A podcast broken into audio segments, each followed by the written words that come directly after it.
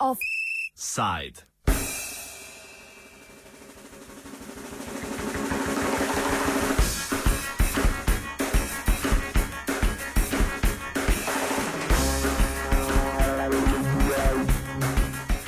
Z vami je Janez Janša.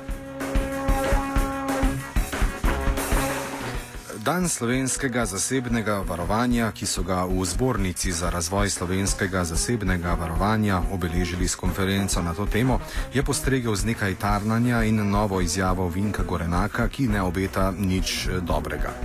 Notranji minister je v svojem nagovoru namreč dejal, da državljani ob omembi varnosti in varovanja vse preveč živimo, živijo v preteklosti. Saj najprej pomislimo, pomislijo na policijo.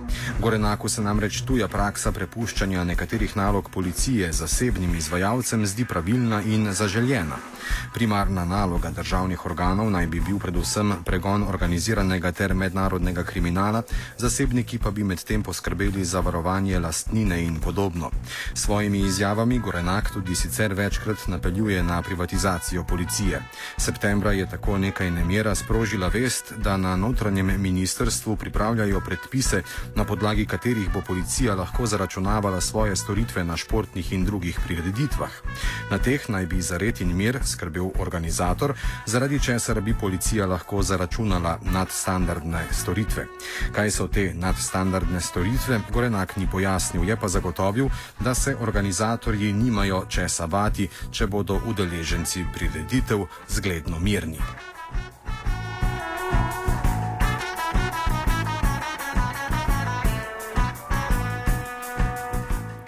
Za mnenje o zasebnem varovanju smo povprašali Dragana Petrovca z Inštituta za kriminologijo pri Pravni fakulteti v Ljubljani, ki se pri svojem delu ukvarja predvsem s penologijo, kriminalitetno politiko in filozofijo kaznovanja. Premišljal sem predvsem o tem, da je taka varnostna dejavnost um, take narave, da zmerom omogoča moč posebne vrste nad ljudmi. In to je samo po sebi zelo vabljivo. Včasih je to zaradi narave posla, včasih zaradi specifičnih naročnikov in pogosto se zdi taka dejavnost bolj avanturistična, kot je v večini primerov. Najbrž ne gre vse le za iskanje prikritih ljubimk pa ljubimcev in za tako detektivsko dejavnost, kot jo srečujemo v filmih, ampak kakorkoli že ta načela svobodnega trga in trženja mnogih dejavnosti uh, ne preprečujejo takih vrst služb. Tisto, kar je sporno, je pa to, da se s tem pogosto približujemo in takim usporednim službam, paravojaškim, parapolicijskim uh, uh, službam in to pa so ene take stran poti. Lahko nastajajo v skrajnih primerjih kar neke države v državi. Um, za anegdoto en takle primer, ki se mi zdi pa resničen.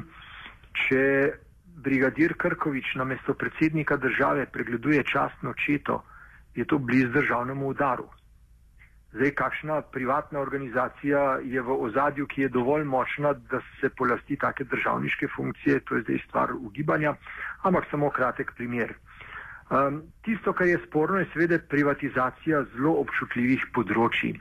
In po mojem mnenju je bistveno bolj imeti solidno državno službo za take naloge, seveda eh, z nujnim dobrim nadzorom nad zakonitostjo um, dela teh državnih inštitucij. Kakor hitro pa uh, prelagamo preveč takih pristojnosti uh, na zasebne ustanove, tvegamo pa marsikaj. Z vidika mojega ožjega področja je predvsem sporno to, da take organizacije, ki se ukvarjajo primeroma s kaznovanjem ali pa posredno s kaznovanjem, nimajo v nobenem primeru eh, niti sposobnosti, eh, eh, niti želje delovati, naprimer, rehabilitacijsko, ampak skrbijo za svoj predvsem finančni interes. To se je pokazalo naprimer pri teh radarjih v Mariboru ali pa pri podobnih dejavnostih, kjer je javno-zasebno partnerstvo na kaznovalnem področju In tisto zasebno partnerstvo niso ne psihologi, ne pedagogi, ne socialni delavci, ampak so ljudje čist drugačnimi profili in seveda s čist drugačnimi uh, željami.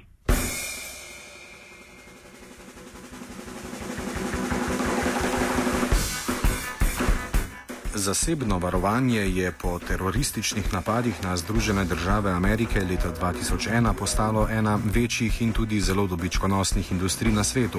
Kaj pa o razmahu te panoge meni Petrovec? Ja, o tem bi se jaz popolnoma strinjal z vami, ker to so take imenitne priložnosti, ko neko vse splošno paniko obrnemo sebi v prid.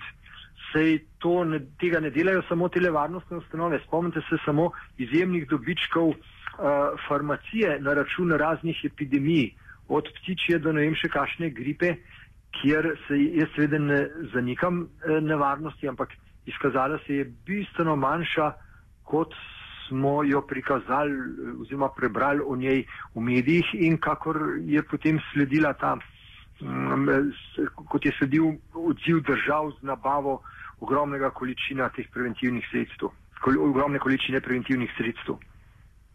To je tudi primer, kjer se panika uporablja za zaslužek in seveda 11. september, pa še kakšna podobna stvar so mnogo čim pripomogli, um, pripomogli k takim akcijam.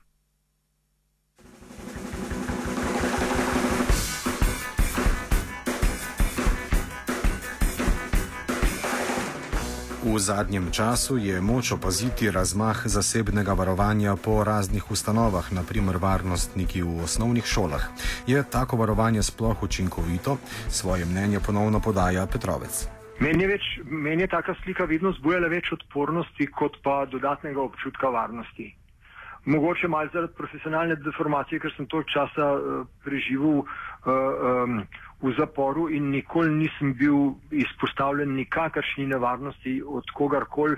Um, tako da pravim, to je mogoče del profesionalne deformacije. Ampak še vseeno imam podobne občutke tudi pri varnostnikih v šoli.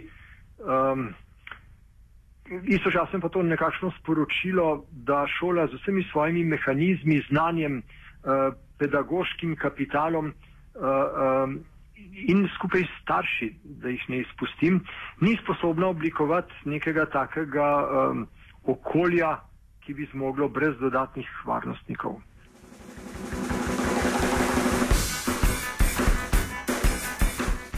Ob dnevu slovenskega zasebnega varovanja oziroma varovanja so v zbornici za razvoj slovenskega zasebnega varovanja sicer opozorili na številne težave, s katerimi se soočajo družbe, ki delujejo na področju zasebnega varovanja. Razni stečaji, prisilne poravnave in nizke cene storitev naj bi vplivali kakovost, na slabšo kakovost varnostnih storitev. Je pa tudi res, da so se v preteklosti zasebne varnostne službe soočale s številnimi obtožbami o slabem delovanju. Zasebni varnostniki so varovali diskoteko Lipa, ko so umrle tri najstnice. Zadolženi so bili za varovanje vojaškega skladišča pri Pivki, ko je prišlo do kraja orožja. Najnovejši primer slabe prakse pa je sodelovanje varnostnika pri ropu sefov v banki SKB, ki naj bi jih leta varoval.